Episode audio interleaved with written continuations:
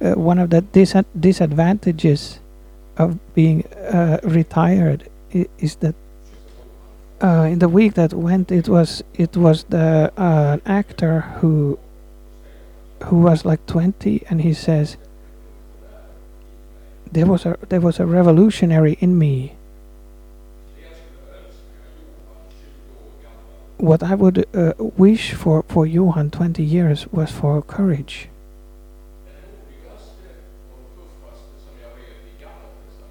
The the most brave person I know in the Old Testament was Joshua. He was one of those 12 uh, uh, spies who was sent out into the promised land when they started to get closer to the border.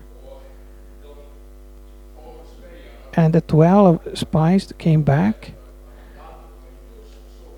that the land was just so fantastic as it had been described. But, they said, the people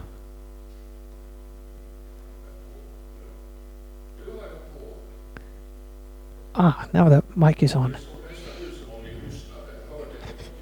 Uh, did you hear anything?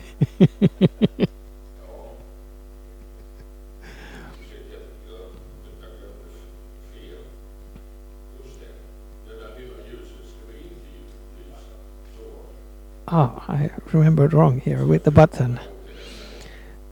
I remember this for the next time. When the 12 spies came back, they said, It's just so fantastic at, as it has been promised, but but the people who live there they are strong. The cities are big and and they are strong. And we saw also people big as giants. 10 of the spies meant there was no point in trying that they would not have a chance to go in but then there were two Caleb and you Joshua was with him in the same thought. Ca- Caleb said, Let us go out and, and conquer the land. Because he counted on that God was with them when the promise was given, it, that God would also fulfill it. Uh, later, they are there at the at the border and and soon take in Jericho. Moses has died, and and jo- it was Joshua's task to, to lead the people forward. And then God said to him, "Be be brave and strong, and do not do not let yourself be frightened. The Lord your God is with you in everything you do." This Joshua one nine, if if, if you want to look it up. in in so it says be strong and courageous in the English one. Uh, several years later, when they had come into the land, but somehow, but somehow they had only come like halfway to the vision. Then Joshua put put the put the people like towards the with their backs toward toward the the wall, so to speak, and he said, "I with my people with my uh, family, we want to serve the Lord." Jo- Joshua was the toughest in the Old Testament. He he wa- was was special in that he, he is not counted as a priest or prophet, but he hold uh, kept the the vision and he didn't uh, back, back down for the peoples. When we go to the New Testament, uh, the, in the New New Testament, uh, after uh, the Virgin Mary is the man at the the the uh, Bethesda Dam. In in in uh, there is a there is a da- dam uh, with the name of the Bethesda, where several uh, sick people were. There was a man who had been sick for a long time. He had been sick for 38 years. Then Jesus, what when there, he when he knew, Jesus asked him, "Do you want to be healed?" The the sick one answered, he said, "Lord, I don't have anyone who can help me down into the water. When I try to get there, someone else gets before me." Then Jesus said to him, "Stand up, take your take your bed and go." And immediately the man was was healed, and he took his bed and he walked away. Think about this: 38 years. He had uh, he had a very limited way to, of getting around, and then suddenly, then he trusted in the word from God, and he rose up. Which what an incredible uh, courage it was needed to believe what Jesus said. He was really courageous. And today, we are challenged, you and me. And, and first, firstly, we, we should not stop halfway in the vision. We can compare with what Paul says when he stands before King Agrippa regarding all he's doing. And he tells how it went on the way to Damascus when Jesus met him. When Jesus, when he was resurrected, talked to him, he, he said, Therefore, King Agrippa, I could not do anything else other than, than obey this vision from heaven.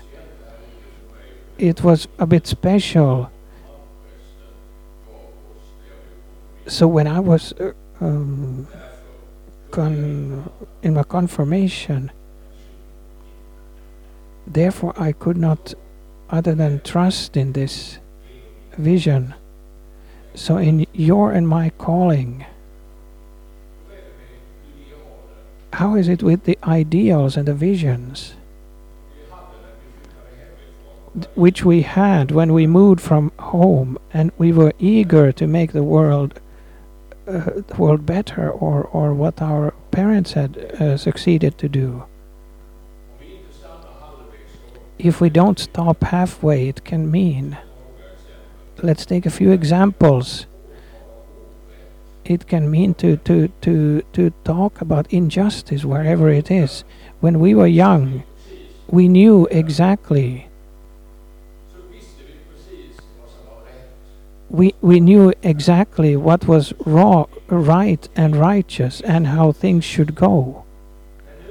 But now, when we are grown up a bit, then we hide right easily wh- when it, things get complicated when you say, which as, as is said in American films, when you don't want to answer a question or so. Uh, sure, it is complicated, but I think still that we would need to pray with Emil Lidgren, who has made a psalm that help us to to not coldly look and, and endure it all. But when it has come time to to to and make our, our lips strong and our voice warm when it uh, to to speak out about uh, wrong wh- wherever it is and then to meet people as Jesus met people and in that time it was ve- very strict who you were like were in close contact with or dined with. In, in Luke 7,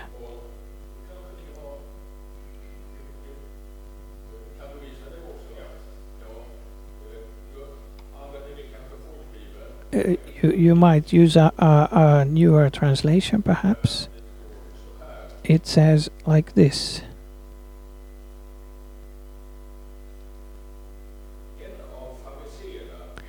when one of the Pharisees invited Jesus to have dinner with him, he went to the Pharisee's house and reclined at the table.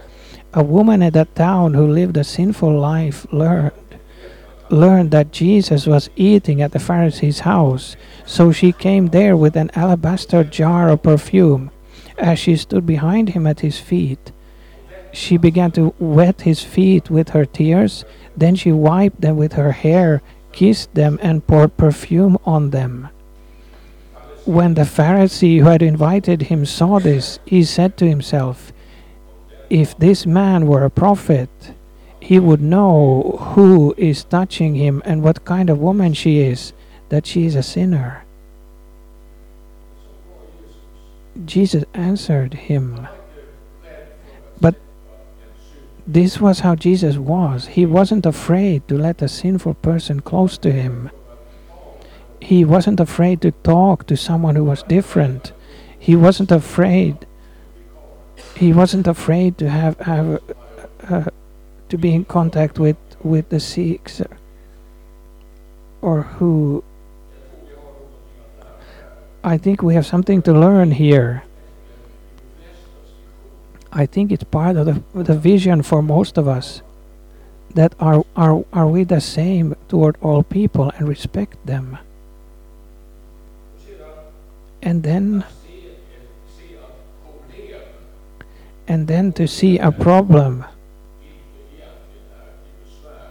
and, and problematic people are not really they, they are actually uh, uh, opportunities to, to serve.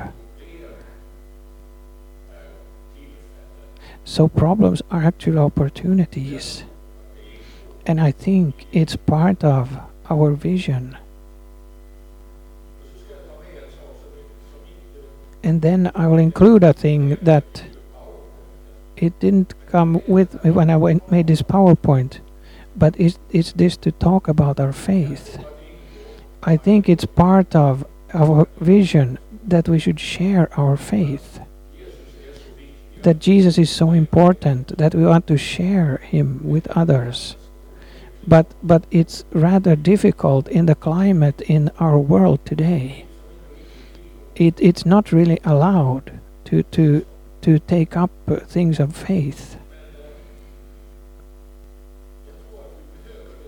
But I think we need that courage that we still speak about Jesus and and try to not I've I've learned it many times when we have heard a three minute witness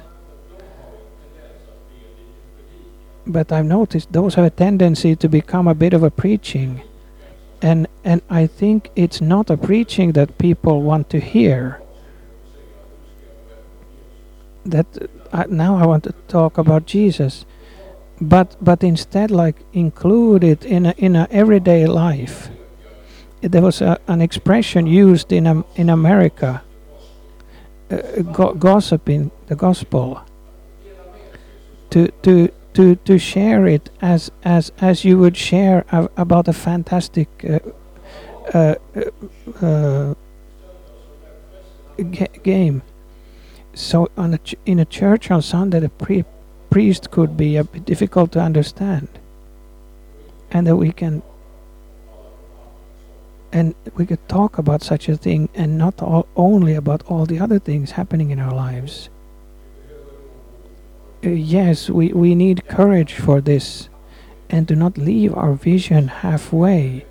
And Jesus said even, that when we are in, in difficult situations that, that the words will be given to us. It, it says in matthew 10 19 about this. Then we come to the next point there is there something more you can think about is there something in your vision that you need a bit of courage for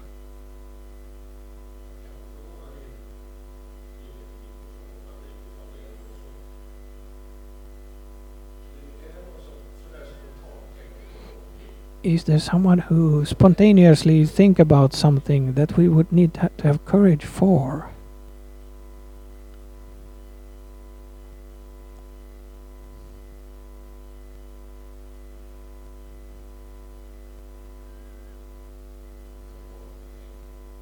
It's good that you're thinking. A- And please uh, share it uh, also if you like.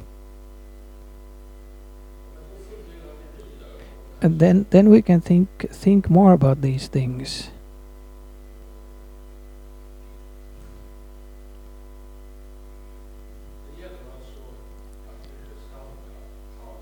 We, we should not stop halfway.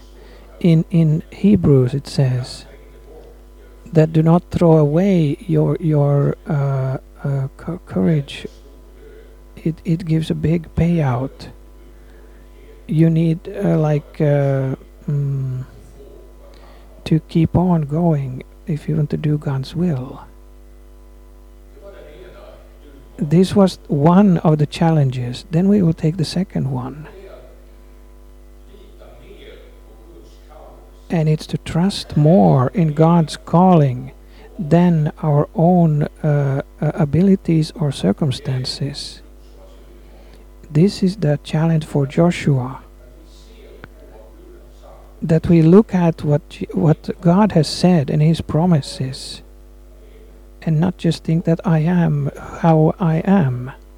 That it's difficult in the in the in the society nowadays but that we dare to to trust in what God has said. These both Caleb and Joshua, they saw they saw all all the all the dangers, all the opposition.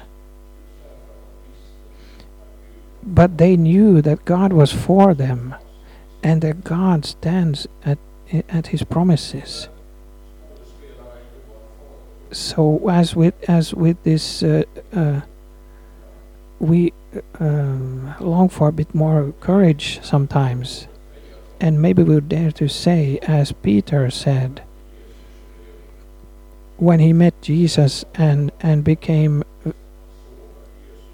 very uh, discouraged about what he saw that jesus was he said master we have been doing this all night without catching anything, but on your word I will cast out the net. More courage. Remember what God said to Joshua when he was in front of the task that God had called him to. Let's read this. And I think we will start there in inside be courageous. Uh, do not be frightened. Do not be afraid. The Lord your God is with you in all that you do.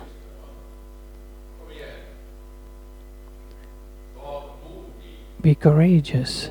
Let do not let be frightened. Do not be afraid. The Lord your God is with you in all that you do say it to me as so that I can hear it. Be courageous. Do not let be afraid. Let not be frightened. The Lord your God is with you in all that you do. Amen. Hallelujah.